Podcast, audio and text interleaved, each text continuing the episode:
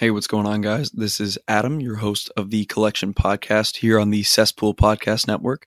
Cesspool is a new podcast network, and you can check out all of our different shows on Apple Podcasts, Spotify, or anywhere that you get your podcasts from. So, Diego is actually working a very fancy party this evening and was not available for the whole weekend. So, here I am going solo once again to do something that I really wanted to do, which is a brand spotlight. Now, I had a lot of brands to choose from, but I figured I would pick my favorite brand at the moment, but also probably I don't want to say of all time, but definitely one of my favorite brands of the past couple of years. I've only known about them for about two years now, um, but I'm definitely very interested in them and have done some learning on them and have a couple different pieces from a couple different seasons.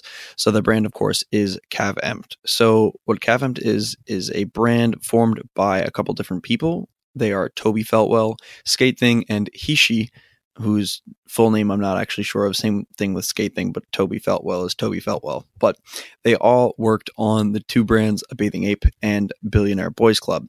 So I only know that Toby Feltwell was an operations director and a creative consultant for the brands and began working with Sk8thing and Hishi on the brands along with uh, Pharrell and Nigo but after BBC moved their operations to the United States and Bape was sold for a really surprisingly small amount of money that I could not believe. The three guys continued to work together and kind of created Cav Empt out of that partnership that formed while they were working at those two brands. So the name, obviously, Cav Empt is a shortened version of the Latin phrase caveat emptor, which means buyer beware. So to me, that's a really cool use of Latin as well as just you know shortening the name uh, to create a brand name. I think a lot of brands these days kind of just choose words that really don't mean mean very much, but I think that they chose something that's ironic in a sense because it's buyer beware, and a lot of their pieces, you know, they're not the cheapest thing, and you know they're also they can be pretty expensive but they are good garments. So i like how they use that. And a lot of their themes are kind of based i don't want to say based on like capitalism but definitely consumerism. Um, so and I, they do incorporate the brand name into a lot of their pieces. So i really do like that.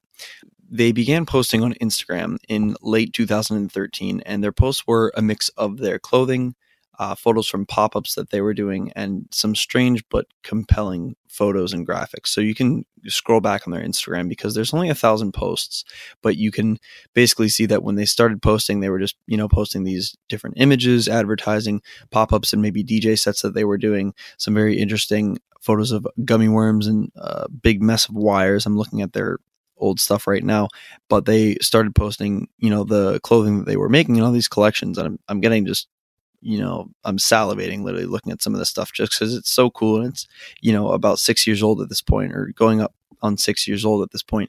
But a lot of these pieces are probably pretty hard to find by now. But what's nice about their Instagram is that there's only a thousand posts. So you can really scroll back and pretty much see every piece that they've made or every garment that they've made at this point. And a lot of these I really wish I could find today because in 2013, you know, I was only 19 and I wasn't really spending $200 on a hoodie back at that point. But they have, you know, maintained their Instagram really well and have posted just about every piece that they've made, I believe. And they'll do special pieces or special collaborations every now and then with like a certain store and they post those as well. So that's pretty cool. So yeah, you basically just have a nice archive to sift through. You can find things from every season on their Instagram, so it's fun to just scroll through and look at pieces that you know you might be able to stumble upon on Grailed or something like that at some point. And it's cool to see stuff from my own closet because I have about I want to say five or six of their pieces. Uh, it's cool to see stuff from my own closet pop up on their Instagram, you know, while I'm scrolling through. So aside from that, I kind of wanted to touch upon probably their most famous piece that they made or the item of clothing that they've made that's received the most publicity or most uh, it's the most noticed which to me is their icon pullover jacket.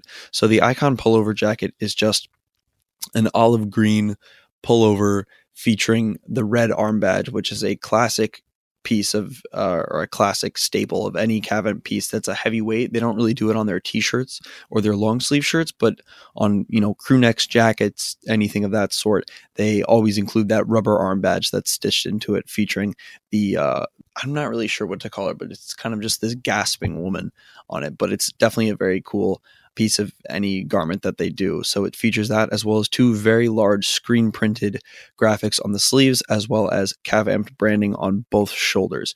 And it's uh, total olive green with silver accents. So the jacket itself is really, really nice looking. It looks great with black, with tan. You know, it would look really good in any outfit with those colors in it. But unfortunately, the jacket does resell, and I believe it's one of the only Cav Empt pieces to do so. Most of their items are pretty expensive to begin with, so the resell potential for a lot of them is pretty low.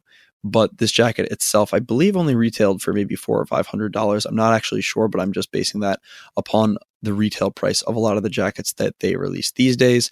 Um, but it probably only retailed for about four or five hundred. But I have seen posts on Grailed and eBay for that jacket for probably upwards of a thousand to twelve hundred dollars. So it's kind of ridiculous what people are asking, but it's only because that jacket I think was very popular on the streetwear subreddit, and I think once it got so popular, you know, it was kind of hard to find and people were just charging ridiculous amounts for it and driving up the price because they could because there was such a demand for it. So while that jacket is really awesome and I would definitely love to own it one day, I don't think I ever will just because of how expensive it's become. Maybe once the hype dies down if it ever does, I'll get it, but I don't think I could pay over a thousand dollars just for a jacket. And then I just wanted to bring up three points of why I like the brand. So the three are the affordability in a relative sense, the availability, and the consistency, but also non consistency. So, the first one being the affordability. And Cav Empt is not the cheapest brand. You know, it's not going to be as cheap as like Supreme, or it's not going to be as cheap as, you know, like any, like PacSun or any, you know, mall brand or whatever. But what it is, is relatively affordable in the sense that, you know, their hoodies are they may be close to $200 but what is nice about them is that that hoodie is going to last. And you know i have a, a hoodie that i bought on grailed and then i bought another one from an online release about a year ago and they have shown little to no wear. I've washed them both which you're really not supposed to do i believe but i've washed them both um, on the appropriate settings and there's no color run. They've held up. You know they're still great sweatshirts that look as good as the day i bought them and i you know, I can see myself getting tons and tons of wear out of both of them. So I'm really content with the quality of the clothing for the price that you're paying. And I think, you know, that's just, you can see that across the board. I've got a jacket from them, a long sleeve, excuse me, two long sleeves, a crew neck, and two hoodies. So three sweatshirts, uh, two long sleeves, and a jacket. But, you know, you can really see the quality across all of the clothing and the long sleeve that I have, unfortunately, I washed it with a darker piece of clothing. So it went from a, a, true white to a little bit of a dingy white. But again, it's still a very thick material. A lot of the clothing, I believe, is made in Japan. Some of it is made in China, as I have seen on a couple of pieces. But it is all very good quality clothing. So I'm absolutely fine with paying a higher premium for it just because I know it's going to last. The second thing I really like about the brand is the availability. And it's it isn't readily available. It's pretty limited, but what is nice is that it's not so limited that like for any Supreme release or Palace release, you go on the website and the most exclusive piece is going to be sold out in 12 seconds. It takes, you know, obviously like a few minutes for it to sell out, but that's nice just because there's no real crazy rush to get it. And I maybe that's just from my experience and I haven't seen anything like that happen with the brand yet, but I have basically whenever they've done an online release, I've wanted to, you know, if I've wanted to go online and buy something, I've been able to just because it doesn't sell out crazy quickly, but it is limited enough that it will sell out eventually. And I don't think they do massive production runs either. So that's one thing I like that it is limited in stock, but it's still available within a few minutes of the drop time. So I do like that.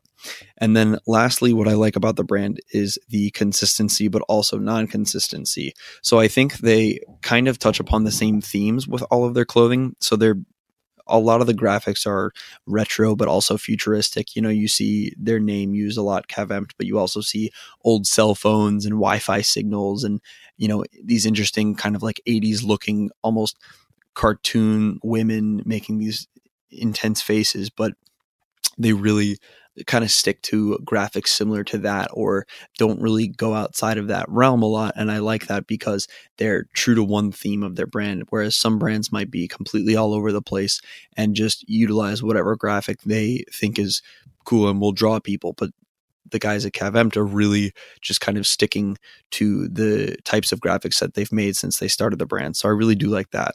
And then as far as non consistency, uh, they continue to, I think, experiment with different colors. Like, you know, last season, I believe it was fall, winter 18, you know, I saw a lot of like, you know, knit sweaters or like rib sweaters and a lot of bright colors being used. And they're not afraid to experiment with, you know, bright colors or different materials or anything like that. So I, I do like the consistency in the branding of the brand, but I also like the non consistency or the lack of fear or no fear to experiment with different types of materials and things of that sort with the brand. So I think that they're doing really cool stuff. As far as the current state of the brand, they recently did a collaboration with Nike where they released a variety of pieces. Like I think they released a jersey, a windbreaker, some pants. They did an Air Max 95 in two colorways. Uh, they did a hat. I wasn't really a huge fan of the collaboration as a whole. I did like the windbreaker, but at the same time, I just thought that it could have been a little more impressive and they could have kind of put a little bit more of their branding into the pieces. It was it was pretty cool. I'm not a big fan of navy and a lot of the pieces were navy and tan, so I think that's maybe why I didn't like it as much. I'm much more of a fan of just a classic true black, it was definitely an interesting collaboration. I probably would have only gotten the windbreaker from the collab, but I skipped out on it. And currently they are in their spring summer 19 season. So I've been keeping up with what they've been posting weekly as far as that goes. In the future from the brand, you know, I just hope to see more strong graphics and experimental pieces, you know, a variety of materials and just really I hope they keep doing what they're doing just because the brand's really strong. Definitely one of my favorites at the moment and always will be, I think.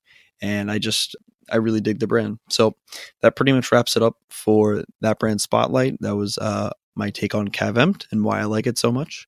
Thank you guys so much for tuning in. I'm Adam, your host of the Collection Podcast here on the Cesspool Network. Make sure you check out all of our other shows. You can check them out on Apple Podcasts, Spotify, or wherever else you get your podcasts. Thanks so much for tuning in, and I'll see you guys next week.